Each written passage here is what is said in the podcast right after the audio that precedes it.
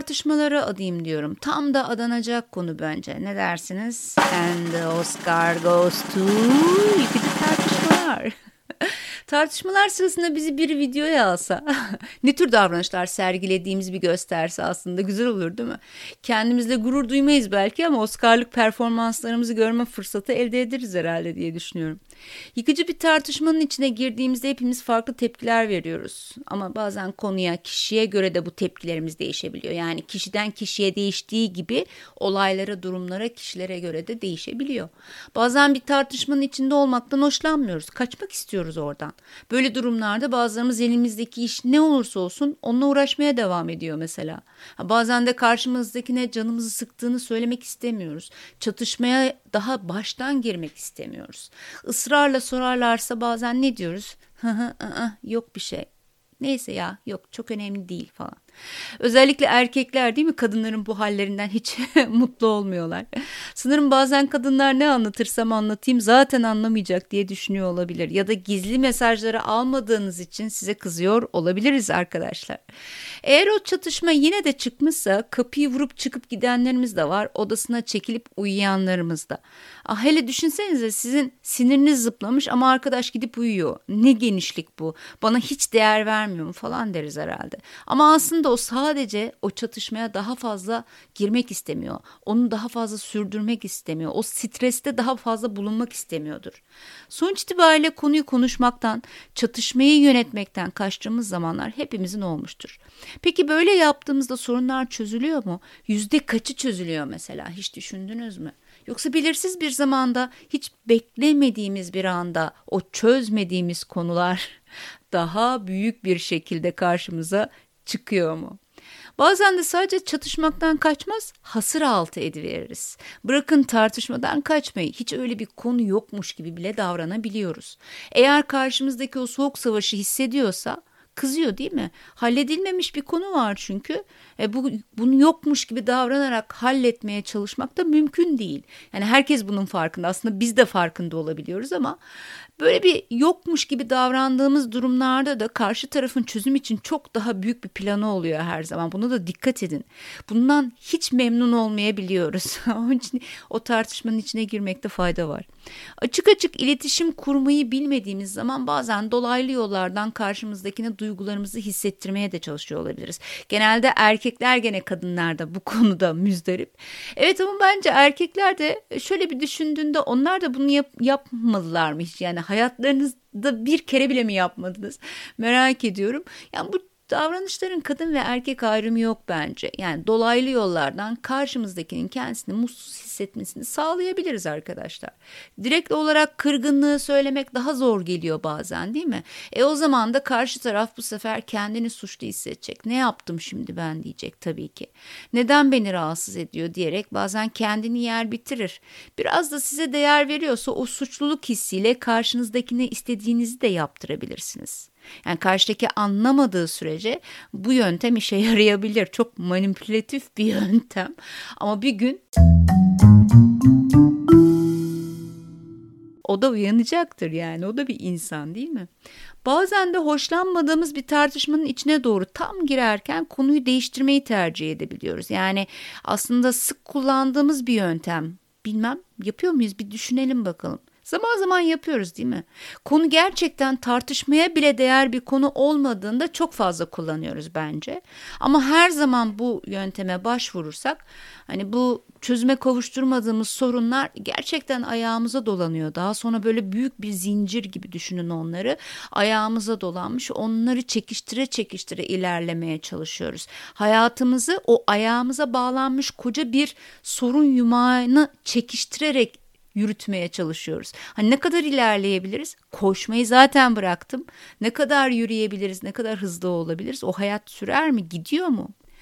Bazen de bizi sinirlendiren bir sorunu konuşmayız. Onun yerine kızgınlığımızı karşımızdaki kişinin başka davranışlarını eleştirerek dile getiririz değil mi?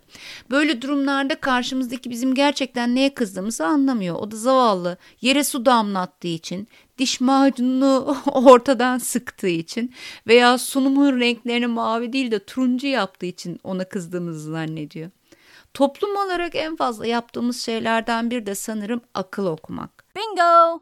Karşımızdakini dinlemiyoruz. Ne söylediğini duymuyoruz. Kişiliğini çözümlüyoruz. Hatta onun demek istediğini anlamadığımız şekilde yorumlayarak gerçekten ne demek istediğini de gayet güzel biliyoruz ve buna da inanılmaz eminiz yani kendimizden.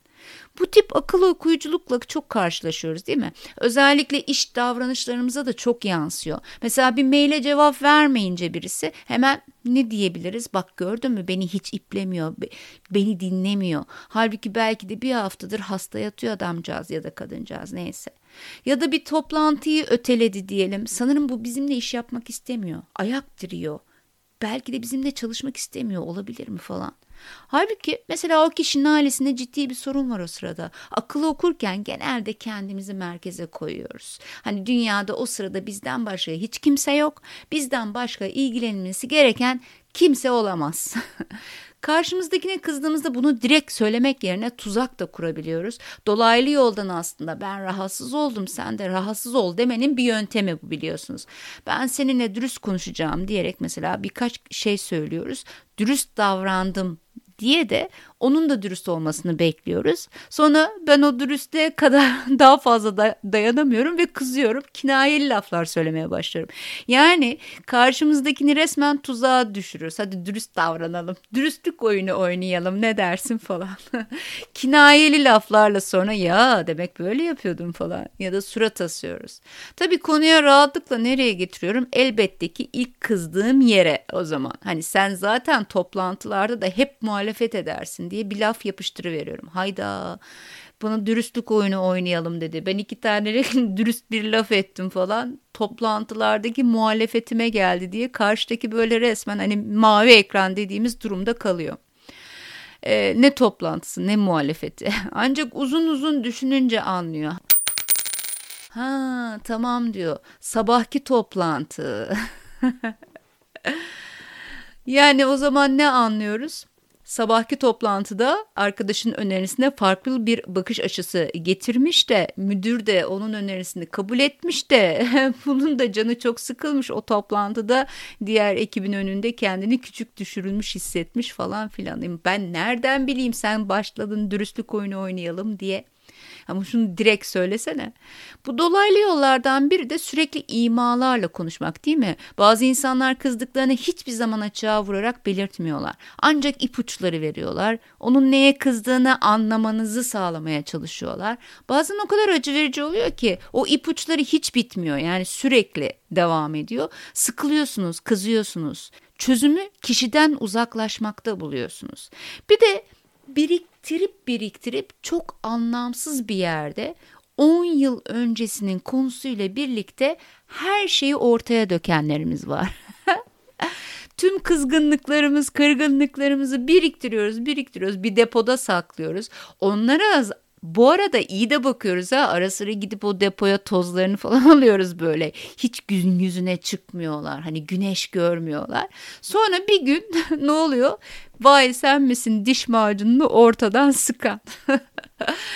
o deponun ağzı anında açılıyor. Bütün hepsi dışarıya dökülüyor. Çünkü artık deponun hani kapısı öyle dolmuş ki açtığınız anda üstünüze dökülüyor.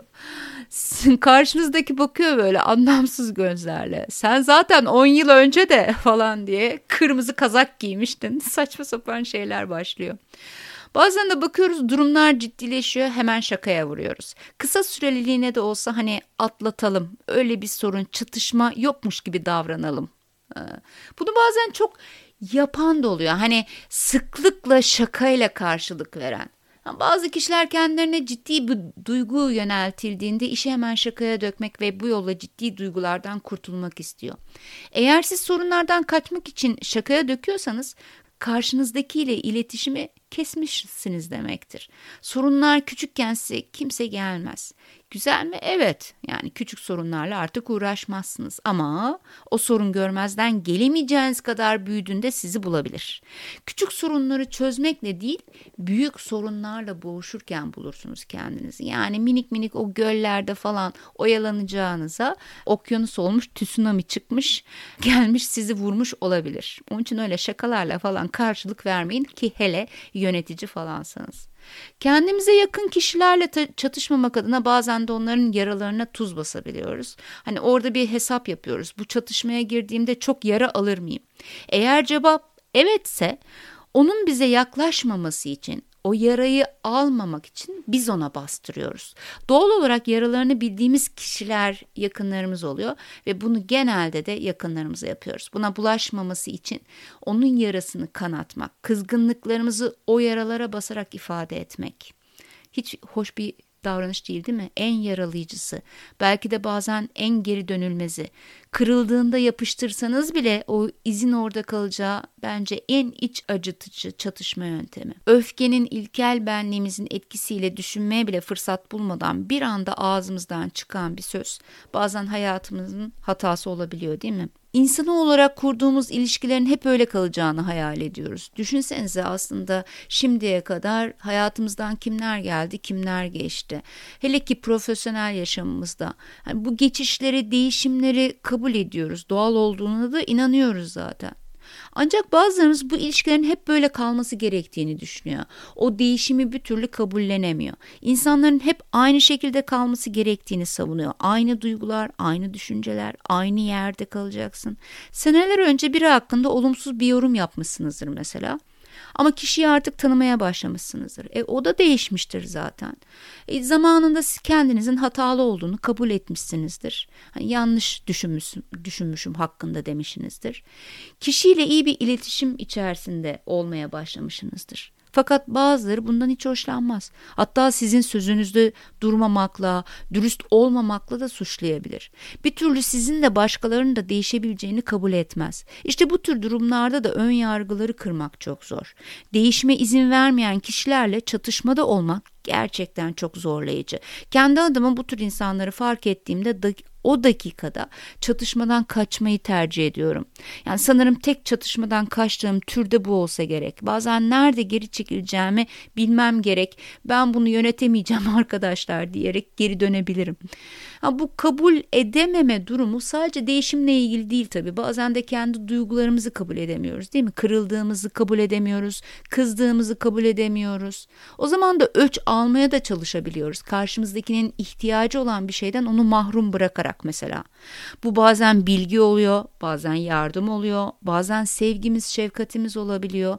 Adaleti böyle sağladığımızı düşünüyoruz. O beni kırarsa ben de onu kırarım. Yani bir nevi cezalandırma yöntemi. Tüm bu davranışların altında karşımızdakini tedirgin etmek, rahatsız etmek, yaşadıklarımızı, hissettiklerimizi onu da hissettirmek yatıyor. Ve bugün konuştuklarımız içerisinde farkındaysanız karşımızdakilere hiç açıkça duygularımızı ifade etmedik. Yani ne hissettiğimizi söylemedik değil mi tüm bu anlattıklarım yöntemlerde. Hani bin bir türlü yöntem, dolaylı, karmaşık yol, kimisi daha zor, ona hissettiklerimizi duyurmaya çalışmadığımız, sürekli kapalı kaldığımız, sürekli karşımızdakinin büyük bir enerji ve sabırla bizi anlamaya çalışması gereken bir sürü sorunla mücadele yöntemi. Yani kaçın da kendimizi ifade etmiş olduk burada? Hayat böyle daha zor değil mi sizce? Siz söyleyin. Bugün anlattığım tüm bu davranışlarımız sorunlarımızı çözmeyen davranışlarımız farkındaysanız ve eminim ki mutlaka her birimiz bir şekilde bu tür davranışları sergiledik, sergiliyoruz. Ve hepimiz bu davranışların ilişkileri zedelediğini, güven ortamını yıktığını, sorunları da çözmediğini, hatta o sorunların daha sonradan gayet büyük bir şekilde çok belki de çözülemeyecek şekilde geri döndüğünü de gördük hayatımız boyunca. Bugün sorunlarımızı çözememenin bin bir türlü yolunu anlatmak istedim aslında size. Bir sonraki yayınımda biraz daha yapıcı neler yapabiliriz ona bir bakalım. Olur mu? Ne dersiniz? Görüşmek üzere o zaman.